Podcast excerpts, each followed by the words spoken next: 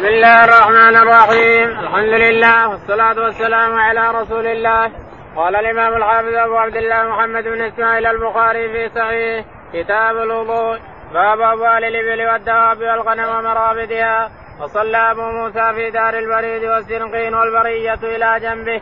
فقال هنا وثم سواء قال رحمه الله دثنا سليمان بن حرب. قال حدثنا حماد بن زيد عن أيوب عن أبي قلابة عن أنس رضي الله عنه قال قدمنا قدم أناس من عقل أو عرينة فإتوا المدينة فأمرهم النبي صلى الله عليه وسلم بلقاء وأن يشربوا من أبوالها وألبانها فانطلقوا فلما صحوا قتلوا راعي النبي صلى الله عليه وسلم والساق النعم فجاء الخبر في أول النهار فبعث في آثارهم فلما ارتفع النهار جيء بهم فأمر فقطع أيديهم وأرجلهم وسمرت أعينهم وألقوا في الحر يستسقون فلا يسقون. قال أبو قلابة فهؤلاء سرقوا وقتلوا وكفروا بعد إيمانهم وحاربوا الله ورسوله.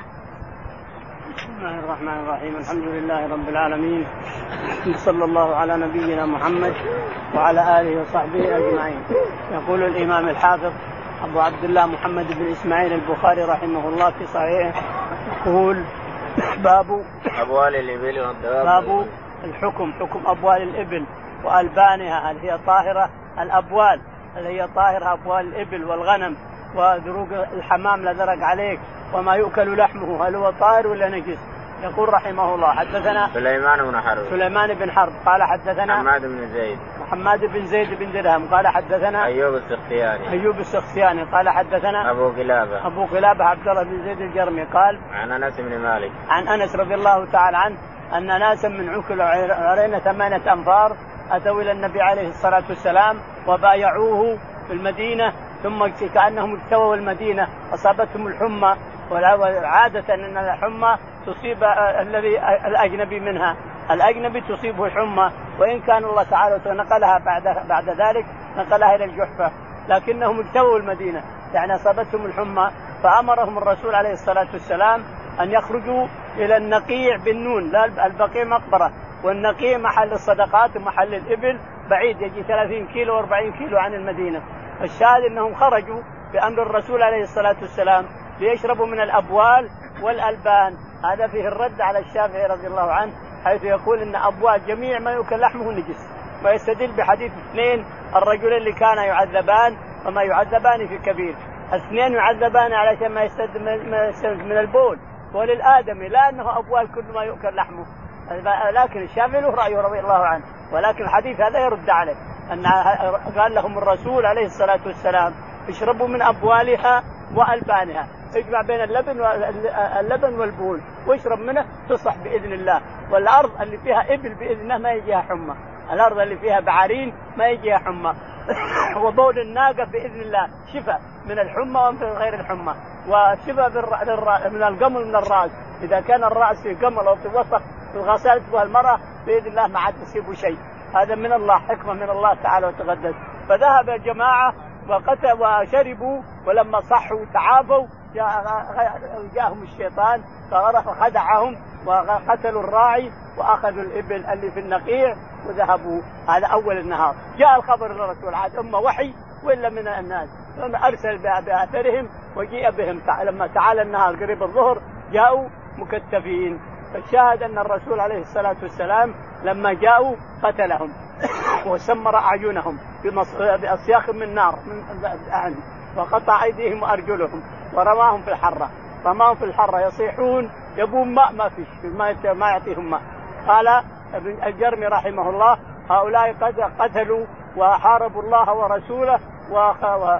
سرقوا وقتلوا سرقوا وقتلوا. سرقوا وقتلوا وكفروا بعد وكفروا بعد إيمانهم وحاربوا الله ورسوله.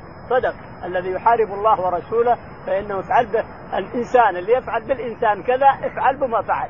لأن الرسول ربنا يقول وجزاء سيئه سيئة مثلها جزاء سيئه سيئة مثلها. هذا الرجل عمل بهذا الرجل شيء نعمل به مثل ما عمل اعمل به هذا العدل هذا العدل اعمل بهذا مثل ما عمل بأخيك المسلم. فالشاهد أنهم حاربوا الله ورسوله ف... ف... والشاهد من الحديث أن أبوال الإبل والغنم والبقر وغيرها مما يؤكل لحمه طاهر بإذن الله نعم. قال رحمه الله حدثنا آدم قال حدثنا شعبة قال أخبرنا أبو التياح يزيد بن حميد عن أنس رضي الله عنه قال كان النبي صلى الله عليه وسلم يصلي قبل أن يبنى المسجد في مرابط الغنم. يقول رحمه الله حدثنا آدم بن أبي آدم بن أبي إياس قال حدثنا شعبة. شعبة قال حدثنا أبو التياح. أبو التياح يزيد قال حدثنا أنس بن مالك. أنس بن مالك رضي الله تعالى عنه أنه قال كان النبي عليه الصلاة والسلام يصلي قبل أن يبنى مسجده. قبل يقام العريش يبنى المسجد كان يصلي في مرابط الغنم. يعني يأتي في محل محل واسع يصلي فيه عليه الصلاة والسلام. نعم. باب ما يقع من النجاسات في السمع والماء. وقال الزهري لا بأس بالماء ما لم يغير طعم أو ريح أو لون. وقال حماد لا بأس بريش الميتة. وقال الزهري في عظام الموتى نحو الفيل وغيره أدركت ناسا من سلف العلماء يمتشطون بها ويدهنون بها لا يرون به بأسا. وقال ابن سيرين وإبراهيم ولا بأس بتجارة العاج. يقول رحمه الله البخاري رحمه الله حدثنا باب ما يقع من النجاسات باب ما يقع من النجاسات في في الماء أو في غير الماء. يقول رحمه الله حدثنا وقال الزهري لا بأس بالماء ما لم يغيره طعمه. وقال الزهري لا بأس بالماء ما لم يتغير طعمه أو لونه أو ريحه لابد من الثلاثة إذا لم يتغير واحد نبع من الأرض أو نزل من السماء. على ريحة هذا هو الطهور. هذا هو الطهور اللي نزل من السماء أو نبع من الأرض على خلقته. هذا هو الطهور. يعني ما تغير لا لونه ولا طعمه وريحه نعم.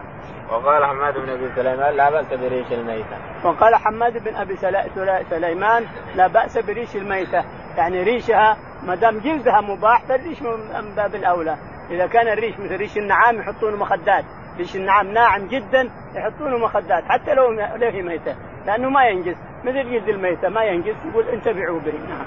وقال الزهري في عظام الموتى انه الفيل وغيره أدركت ناسا من سلف العلماء يمتشطون بها. وقال الزهري في عظام الموتى من الحيوانات يقول لا بأس به تأخذ الإنسان الفيل ينتفع الناس بعظامه من عظم العاج هذا يباع يباع ويشترى غالي مرة. عظم العاج هذا يسمونه عظم العاج. يؤخذ عظم الفيل ويصير عظم عاج ويحطونه أمشاط ويحطونه مخاريق ويحطونه إلى آخره.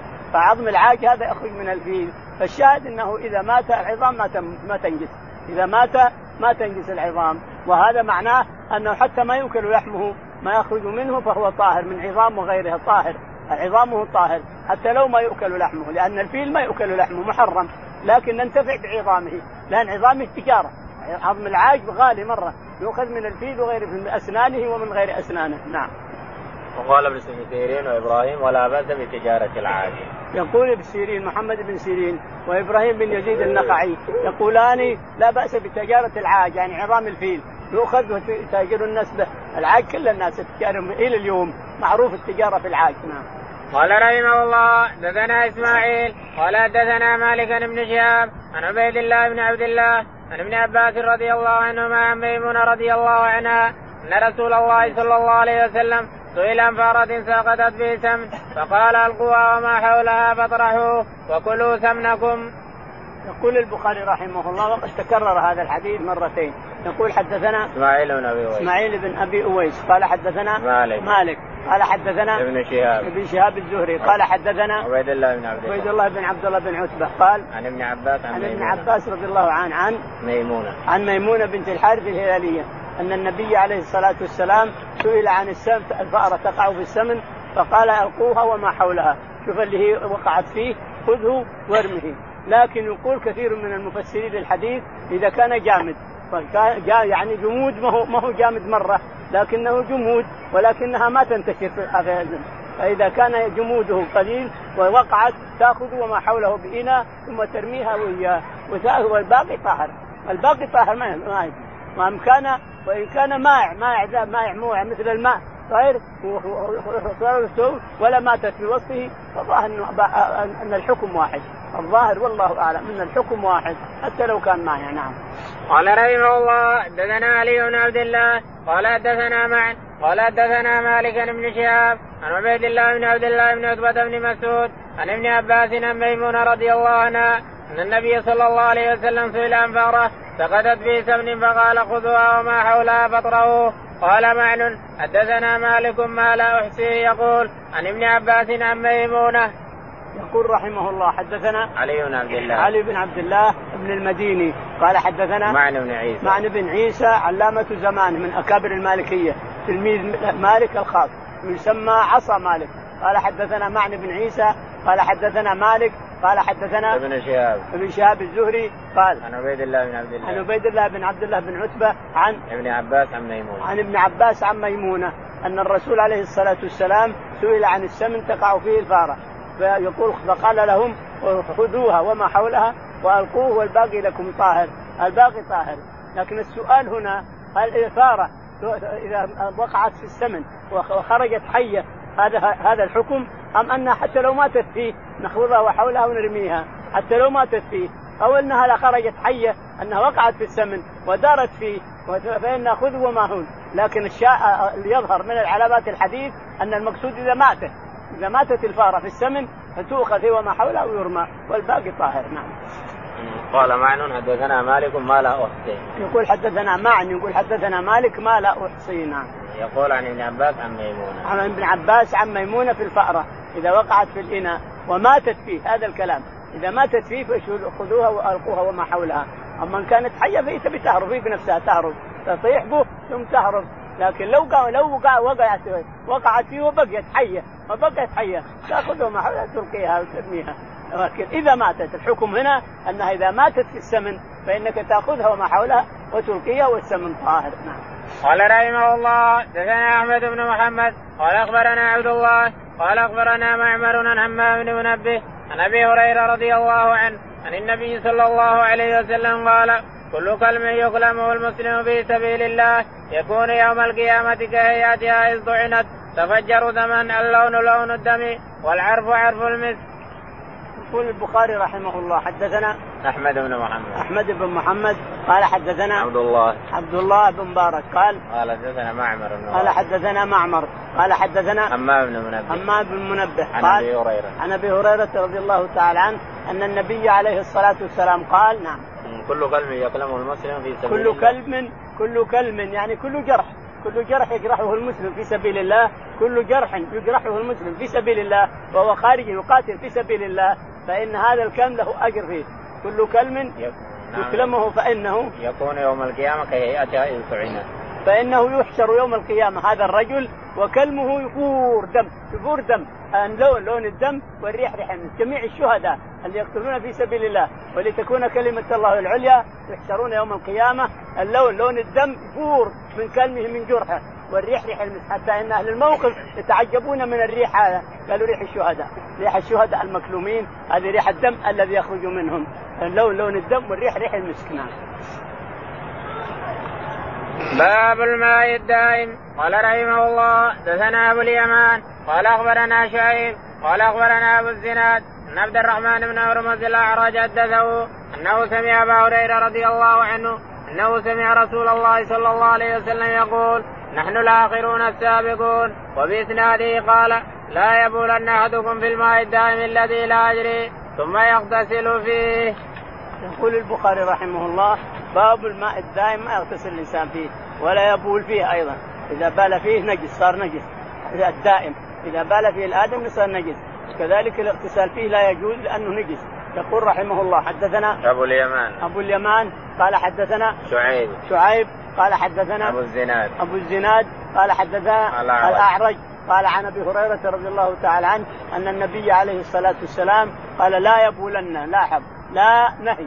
لا يبولن أحدكم في الماء الدائم الذي لا يجري ثم يغتسل فيه أو يغتسل منه.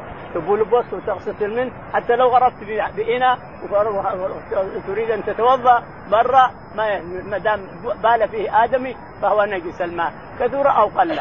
كثر أو قل فهو نجس لأن البول ينجسه حتى لو كان كثيرا. تقول لا يبولن أحدكم في الداء في الماء الدائم الذي لا يجري ثم يغتسل منه أو يتوضأ منه. لا يجوز هذا. لا يجزي الوضوء ما يجزي لأنه تنجس الماء.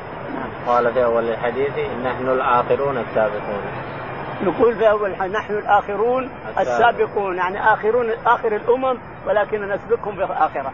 الأمة محمد هي آخر أمم الأرض ولكننا نسبقهم في الآخرة. نصير حنا الأولين. نعم. باب إذا ألقي على دار المصلي قدر أو جيفه لم تفسد صلاته لم تفسد عليه صلاته. وكان ابن عمر إذا رأى في ثوبه دما ويصلي وضعه ومضى في صلاته. وقال ابن المسيب والشعبي إذا صلى في ثوبه دم أو جنابة أو لغير القبلة أو تيمم صلى ثم أدرك الماء في وقته لا يعيد. قال رحمه الله حدثنا عبدان قال أخبرني أبي عن شعبة عن إسحاق بن عن أبي إسحاق عن عمرو بن ميمون عن عبد الله رضي الله عنه قال بينا رسول الله صلى الله عليه وسلم ساجد. قال وحدثني أحمد بن عثمان. قال حدثنا شريح بن مسلمة. قال حدثنا إبراهيم بن يوسف عن أبيه عن أبي إسحاق. قال حدثني عمرو بن ميمون. أن عبد الله بن مسعود رضي الله عنه حدثه أن رسول الله صلى الله عليه وسلم كان يصلي عند البيت. وابو جهل واصحابه له جلوس. إذ قال بعضهم لبعض أيكم يجوع بسلا جزور بني فلان؟ فيضعه على ظهر محمد إذا سجد. فانبعث أشقى القوم فجاء به فنظر حتى سجد النبي صلى الله عليه وسلم. وضعه على ظهره بين كتفيه. وأنا أنظر لا أغير شيئا. لو كان لي منعة. قال فجعلوا يضحكون. ويحيل بعضهم على بعض. ورسول الله صلى الله عليه وسلم ساجد. لا يرفع رأسه حتى جاءت فاطمة فطرحت عن ظهره فرفع رأسه ثم قال اللهم عليك بقريش ثلاث مرات فشق عليهم ازداء عليهم قالوا قال وكانوا يرون أن الدعوة في ذلك البلد مستجابة ثم سمى اللهم عليك بأبي جهل وعليك بعتبة بن ربيعة وشيبة بن ربيعة والوليد بن عتبة وأمية بن خلف وعقبة بن أبي معيط وأدى السابع فلم يحفظ قال فوالذي نفسي بيده لقد رأيت الذين عد رسول الله صلى الله عليه وسلم صرعى في القليب قليب بدر. يقول البخاري رحمه الله باب باب إذا ألقي على ظهر المصلي باب إذا ألقي على ظهر إنسان شيء من الطاهرات من سلا أو كرش أو شيء من هذا وهو ساجد فإنه لا ينقص لا يقطع صلاته ولا ينقصه حدثنا قال وكان ابن عمر إذا رأى في ثوبه دما وهو يصلي وضعه ومضى في صلاته. نقول إذا انه كان يقول البخاري كان ابن عمر إذا رأى في ثوبه دما وهو يصلي أخذه أحيانا يمصه وأحيانا يتركه. لكن عاد عندنا مسألتين. المسألة الأولى أن الإنسان صلى وعليه نجاسة يعلم انها أن عليه نجاسة عالم أن عليه نجاسة فهذا صلاته باطلة. أما إذا صلى ولم يعلم بالنجاسة على ثوبه نجاسة ما علم بها أو نسيها فصلاته صحيحة. هذا بإجماع علماء الإسلام. أنه إذا صلى وعليه نجاسة عالما بالنجاسة فإنه لا تصح صلاته. أما إذا صلى وعليه نجاسة أما أنه علم بها ونسيها أو أنه ما علم بها أصلا فصلاته صحيحة. هذا علماء الإسلام قاطبه يقول البخاري رحمه الله. وقال ابن المسيب والشعبي إذا صلى وفي ثوبه دم أو جنابة أو لغير القبلة أو تيمم صلى ثم أدرك الماء في وقته يقول البخاري رحمه الله. وقال ابن المسيب سعيد. ابن المسيب سعيد. والشعبي. والشعبي إذا قالوا صلى إذا صلى الإنسان وعلى ثوبه نجاسة أو مني أو شيء من هذا أو جنابة. أو جنابة يعني جنابة المني. على ثوبه مني جنابة من المني أو شيء من هذا فإنه يصلي ولا شيء عليه. يصلي ولا شيء لأن الجنابة طاهر المني طاهر الذي يخرج وغيره. وإذا خرج دمله أو بثره أو شيء وعصره ويصلي لا بأس بذلك. نعم. قال حدثنا عبدان. يقول البخاري رحمه الله حدثنا عبدان وعبد الله بن عثمان. قال حدثنا عن ابي عثمان. عن أبي عثمان بن جبلة. قال حدثنا شعبة. شعبة. قال حدثنا أبو إسحاق. أبو إسحاق السبيعي. قال عن عمرو بن ميمون. عن عمرو بن ميمون. عن عبد الله بن مسعود. عن عبد الله بن مسعود رضي الله تعالى عنه. ثم حول السنة ثم حول قال حدثنا أحمد بن عثمان. أحمد بن عثمان قال حدثنا شريح بن مسلمه شريح بن مسلمة قال قال حدثنا إبراهيم بن يوسف. قال حدثنا إبراهيم بن يوسف. قال حدثنا عن أبيه يوسف. أبيه يوسف. قال عن أبي إسحاق. عن أبي إسحاق السبيعي. قال عن عمرو بن ميمون. عن عمرو بن ميمون قال عن عبد الله بن مسعود حدثه. أن عبد الله بن مسعود رضي الله عنه قال إن النبي عليه الصلاة والسلام كان يصلي تحت الكعبة هناك كان قريش على الجهة هذه يشوفونه يصلي وكانوا يقولون إن بني فلان جزروا جذور وحذفوا السلا، السلا اللي يخرج مع مع الطفل مع الفصيل إذا خرج أو مع الطفل من المرأة أو من البقرة سلا جزور مرمية نحروا جزور ورموا سلاها على مزبلة. يقول فقال قريش أيكم يأتي بسلا بني فلان الذي رموه؟ يحطه على ظهر محمد إذا سجد. يقول فقام أشقى القوم وهو عقبة بن أبي معيط عقبة بن أبي معيط. فقام أشقى القوم وذهب وأتى بالسلا ورماه على ظهر الرسول فكان الناس يتمايلون. يتمايلون كذا من الفرح ومن الاستهزاء بالرسول عليه الصلاة والسلام لكن شو اللي حصل؟ جاءت فاطمة الرسول لا زال ساجدا لا زال ساجد في سجدته وخرت السلع عن ظهر أبيها عليه رضي الله عنها وأرضاها ثم قام لما انتهى من صلاته ووقف على قريش ودعا عليهم ثم كانوا يرون أن يدعي على بالمسجد هنا أن دعوته مستجابه كانوا فوجموا جميعا وجموا واصابتهم الكآبه ثم قال اللهم العن فلان وفلان وفلان شيبة بن ربيعة عتبة بن ربيعة الوليد بن شيبة أبو جهل فلان وأمية بن خلف. وقال يقول عبد الله بن مسعود والله إن اللي عد كلهم رأيتهم بعيني في بدر في القليل يرمون في القليل صرعى. أما عقبة لاحظوا يا إخوان عقبة بن أبي معيط هذا أشقى القوم اللي أتى بالسنة إيش اللي حصل؟ لما جاء بدر جاء به مكتف لاحظ جاء به مكتف لا إله وجلس أمام الرسول عليه السلام قم يا عاصم بن أبي اضرب عنقة. قام يا عاصم ولا الزبير؟ اضرب عنقة يا زبير؟ أو قال اضرب عنقة يا عاصم. مكتف يدين ورجلين. بعد سنتين شوف انتقام ربنا كيف. جلس في أمام الرسول عليه الصلاة والسلام. صاحب السلام عقبة بن أبي معيط. جاء جاء مكتفا وضرب عنقه في ساعة. وضرب عنقه مثل الكورة ما أدري عاصم بن أبي اجله أو أنه الزبير رضي الله عنه. أضرب عنقه يا عاصم. أو قال اضرب عنقه يا زبير لكن المؤكد أنه عاصم رضي الله عنه الأنصاري. عاصم بن أبي اجلح بطل من الأبطال. اضرب عنقه يا عاصم. فحذف رأسه وطحه الرأس من الكورة مكتف اليدين والرجلين بعد سنتين شوف الانتقام لرب العالمين لرسوله عليه الصلاة والسلام.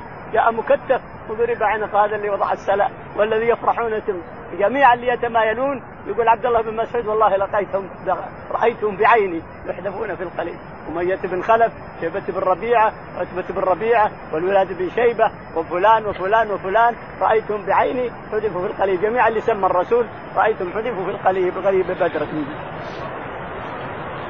باب البزاد والمخاط ونحوه في الثوب. قال عروة عن المسور ومروان خرج النبي صلى الله عليه وسلم زمن حديبية فذكر الحديث وما تنخم النبي صلى الله عليه وسلم نخامة إلا وقد في كف رجل منهم فدلك بها وجهه وجلده. قال رحمه الله دثنا محمد بن يوسف قال دثنا سفيان حميد عن أنس رضي الله عنه قال فسك النبي صلى الله عليه وسلم في ثوبه طوله طوله ابن أبي مريم قال أخبرنا يحيى بن أيوب قال حدثني حميد قال سمعت عن النبي صلى الله عليه وسلم. يقول البخاري رحمه الله باب البساق والمخاط في الثوب طاهر. جميع ما يخرج من بني آدم من, من رأسه كله طاهر. اللي يخرج من الآدمي من رأسه كله طاهر. البزاق والخشم والدموع والأشياء هذه كله طاهر لأن الآدمي طاهر. إلا ما يخرج من القبل والدبر. بس والباقي كله طاهر. عرقه طاهر ومخاطه طاهر وما يخرج من الفم وغيره من البلغم طاهر كله طاهر. الآدمي كله طاهر. حتى لو لو مات فهو طاهر. الآدمي طاهر سواء كان حي أو ميت فهو طاهر. يقول رحمه الله حدثنا قال عروة عن المسور ومروان. يقول عروة بن الزبير عن المسور, المسور بن مخرمة ومروان, ومروان بن الحكم يحدثان عن الرسول عليه الصلاة والسلام زمن الحديبية. زمن الحديبية أنه ما كان يبصق بصاق. إذا تفل عليه الصلاة والسلام تلقفه واحد منهم. ولا مخاط ولا شيء ولا ماء ولا حاجة. وهو الذي وضع أصابعه في الماء في الإناء حتى صار يفور فورانا. وترووا كلهم 1400 فارس الذي أخذوا الماء من بين يدي الرسول. نعم. قال حدثنا محمد بن يوسف. يقول البخاري رحمه الله حدثنا محمد بن يوسف. قال حدثنا سفيان الثوري. سفيان الثوري. عن حميد. قال عن حميد الطويل. قال عن أنس بن مالك. عن أنس بن مالك رضي الله عنه. قال بزق النبي صلى الله عليه وسلم في ثوبه مالا. يقول إن الرسول بزق في ثوبه عليه الصلاة والسلام. يمكن يكون في ثوبه هو أو ثوب أنس. قال طوله سعيد بن أبي مريم. يقول طول الحديث سعيد بن أبي مريم يعني عن أنس. قال أخبرنا يحيى بن أيوب قال حدثني حميد عن يحيى بن أيوب قال حدثني حميد الطويل. حميد الطويل عن أنس بن يعني طول السند حميد الطويل عن أنس بن مالك. أتى به ثلاثة اثنين. هذاك ثلاثة أربع سند وهذا وصل إلى خمسة من إلى إلى أنس بن مالك. نعم. باب لا يجوز الوضوء بالنبيذ ولا المسكر. وكرهه الحسن وأبو العالية. فقال عطاؤنا التيمم أحب إلي من الوضوء بالنبيذ واللبن. قال رحمه الله دثنا علي بن عبد الله قال دثنا سفيان قال دثنا الزهري عن أبي سلمة عن عائشة رضي الله عنها عن النبي صلى الله عليه وسلم قال كل شراب أسكر فهو حرام. يقول البخاري رحمه الله باب باب لا يجوز الوضوء بالنبيذ. لا يجوز الوضوء بالنبيذ. بعض الأحناف يجيزه. نقول النبيذ معناه أنه تمر يحط ولا بعد صار مسكر إلى الآن صار مسكر ولا صار نجس. فلك أن تتوضأ به لأنه ما يسمى ماء ما يسمى نبيذ يسمى ماء فالشاهد أنه أنه لا يتوضأ به. النبيذ وما عصر وما عصر من أشياء أو خلط بالأشياء حتى تخمر لا يجوز الوضوء به. يقول البخاري باب باب لا يجوز الوضوء بالنبيذ لا يجوز الوضوء بالنبيذ ولا المسكر. ولا المسكر. يعني الخمر اللي يسكر لا يجوز الوضوء به. حدثنا وكرهه الحسن وابو العالية. وكرهه الحسن وابو العالية الرياحي. كرهوا الوضوء بالنبيذ وكرهوا الوضوء بالمسكر يعني الخمر. نعم. وقال عطاء التيمم أحب إلي من الوضوء وقال عطاء بن أبي رباح التيمم التيمم بالتراب أحب إلي من الوضوء بالخمر أو بالمسكر. يعني كان ما عندك ماء وهذا صحيح. ما عندك ماء. عندك ماء مسكر خمر وإلا نبيذ هذا كله ما يسمى ماء. فالشاهد أن ما عندك ماء. فإذا لم تجد إلا هذا لك أن تتيمم. هذا كلام عطاء بن أبي رباح رضي الله عنه. قال حدثنا علي بن عبد الله. يقول البخاري حدثنا علي بن عبد الله. قال حدثنا سفيان بن عيينة. سفيان بن عيينة. قال حدثنا الزهري. الزهري. قال عن أبي سلمة. عن أبي سلمة بن عبد الرحمن. قال عن عائشة. عن عائشة رضي الله تعالى عنها أن النبي عليه الصلاة والسلام نعم. قال كل شراب أسكر فهو حرام. قال كل شراب أسكر أسكر كثيره فقليله حرام. كل شراب أسكر الكثير منه فهو قليله ولو ولو أقل من فنجان فإنه حرام. كل شراب أسكر كثيره فقليله خمر وهو حرام بالإجماع. لأن النبي نص عليه عليه الصلاة والسلام باب غسل المرأة أباها الدمع عن وجهه. وقال أبو العالية انسه على رجلي فإنها مريضة. قال رحمه الله دثنا محمد. قال أخبرنا سفيان بن عيينة عن أبي خادم سمع سهل بن سعد الساعدي رضي الله عنه وسأله الناس وما بيني وبينه أحد. بأي شيء دوي جرح النبي صلى الله عليه وسلم؟ فقال ما بقي أحد أعلم به مني. كان علي كان علي يجيء بترس فيه ماء وفاطمة تغسل عن وجه الدم فأخذ حصير فحرق فحشي به جرحه. توقف الدم. يقول رحمه البخاري باب غسل المرأة أباها باب غسل المرأة أباها ومعالجة المرض الذي فيه جائز هذا. تغسل عنه الجرح. وتعالج المرض اللي فيه جائز البنت يجوز لها أن تعالج أباها وتحط في ما من الأدوية ومن المراهم الشيء اللي ما هو عورة يعني في رجله ولا في يده ولا في وجهه جائز هذا كله. يقول حدثنا وقال أبو العالية انتبهوا على رجلي فإنها مريضة. وقال أبو العالية انتبهوا على رجلي فإنها مريضة يعني حطوا عليها دواء أو مرهم أو جروها هذا كلام أبو العالية. قال حدثنا محمد بن سلام. محمد بن سلام. قال حدثنا سفيان بن عيينة. سفيان بن عيينة قال عن أبي حازم عن أبي حازم الصغير. قال عن سالم بن سعد الساعدي. عن سالم بن سعد الساعدي رضي الله تعالى عنه. عن وسأله الناس وما بيني وبينه أحد بأي شيء دوي الجرح وسأله الناس وما بيني وبينه أحد. يقول بما داوى الرسول جرحه حينما جرح؟ قال إن ما في أحد أعلم مني من هذا. جيء به وغسلت فاطمة رضي الله عنها الجرح ثم لما لم يقف الدم جاءت بحصير وأحرقته وحشت به الجرح فوقف بإذن الله، يعني حصير تحرقه الإنسان ثم تحطه في وسط الجرح يقف الجرح بإذن الله، نعم. باب السواك. وقال ابن عباس مثل عند النبي صلى الله عليه وسلم فاستنى قال رحمه الله حدثنا أبو النعمان قال حدثنا حماد بن زيد عن غيلان بن جرير عن أبي بردان ابيه قال أتيت النبي صلى الله عليه وسلم فوجدته يستن بسواك بيده يقول عو والسواك فيه فيه كأنه يتهوع. يقول البخاري رحمه الله باب السواك نعم.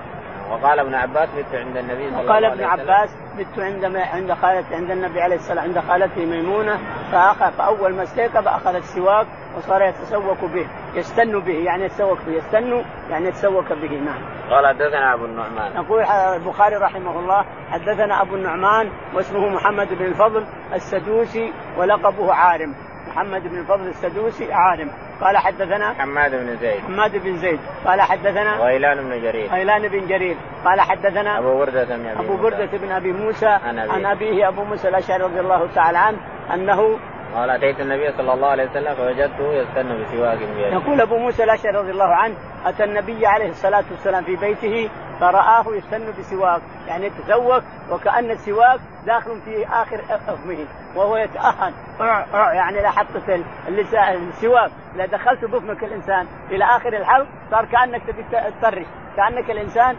فسمعته يستن يعني يتسوق وهو يقول أع أع أع يعني كأنه بيطرش نعم.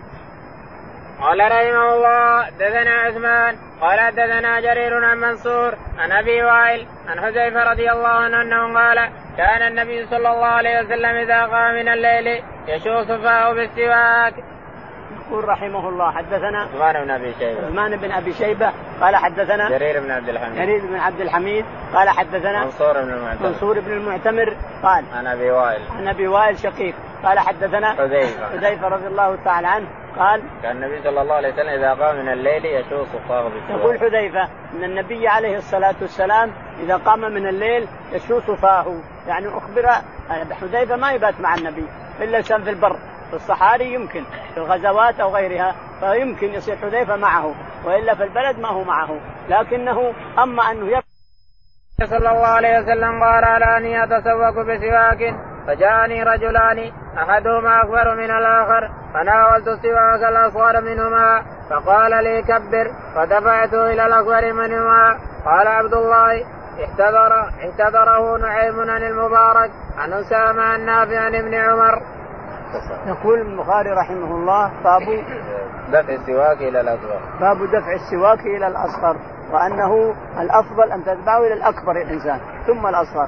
حدثنا عفان بن مسلم. عفان بن مسلم قال حدثنا صخر بن جويرية. صخر بن جويرية قال حدثنا نافع عن ابن عمر. نافع عن ابن عمر قال ابن عمر رضي الله عنه. نعم. النبي صلى الله عليه وسلم قال أراني يتسوق بسواك فجاءني رجلان. يقول ابن عمر أن الرسول عليه الصلاة والسلام قال أراني يعني في النوم. اتسوق بسواك فجاءني رجلان واحد كبير السن واحد صغير. فدفعت السواك للاصغر فقيل لي كبر كبر. يعني ادفعه للكبير أول. وهذا هو السنة. إذا صار عندك رجل كبير السن ورجل صغير فإنك تدفع السواك أو الماء إذا شربت تدفعه إلى الأكبر ثم تدفعه إلى الأصغر. وقد مرنا أنك تعطيه من عن يمينك الانسان نعم.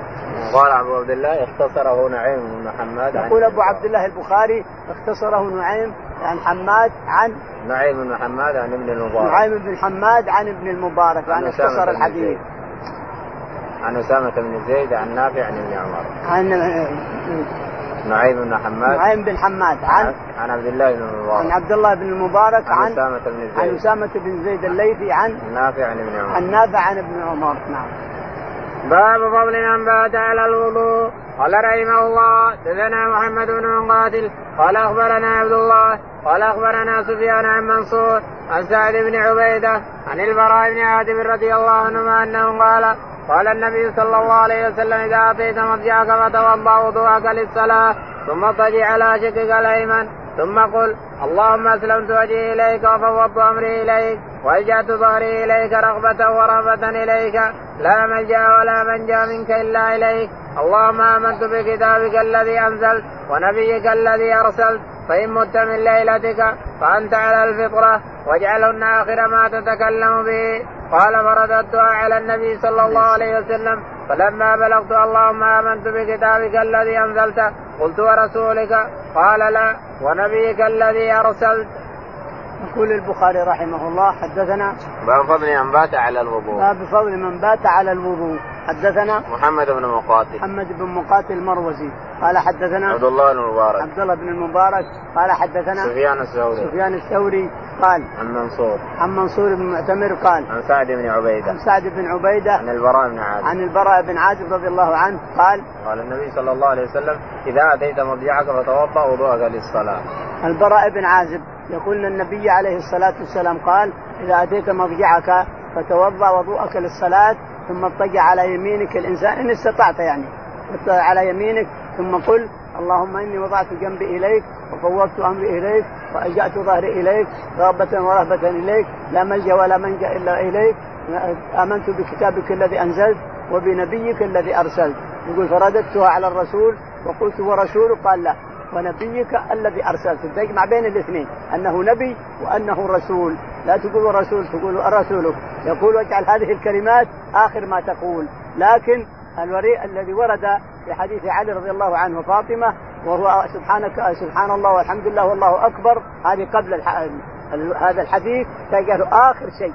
لكن تسبح المئة التسبيحة الذي أخبر رضي الله عنه علي عن النبي عليه الصلاة والسلام. سبحان الله والحمد لله والله أكبر مئة مرة. هذه تقولها قبل هذه فإذا انتهيت من التسبيحات اللي قال إذا قلتها الإنسان أصبحت نشيطا معافى ذاكرا لله تعالى وتقدس إذا قلت المئة ثم هذه تجعلها آخر ما تقول. يعني بعد التسبيحات المئة تقرا هذه هذا الدعاء الذي تصلي تتوضأ اولا ثم تنام على ثم تقول هذا الحديث فإنك تنام حينئذ. لو مت مت على الفطرة على فطرة الاسلام اذا توضأت ونمت وسبحت التسبيحات المئة ثم قلت هذا الحديث الذي اللهم إني وضعت جنبي إليك اللهم أسلمت وجهي إليك. أسلمت وجهي إليك وفوضت أمري إليك وألجأت ظهري إليك رغبه ورهبة إليك لا ملجأ ولا منجأ منك إلا إليك. اللهم آمنت, آمنت بكتابك الذي أنزلت وبنبيك الذي أرسلت. فإن مت مت على الفطرة الإنسان. لكن إذا توضيت ونمت وقلت التسبيحات هذه ومت مت على الفطرة. يعني على فطرة الإسلام. وهذا كل مسلم يحب أن يموت على فطرة الإسلام. لا شك في هذا نعم.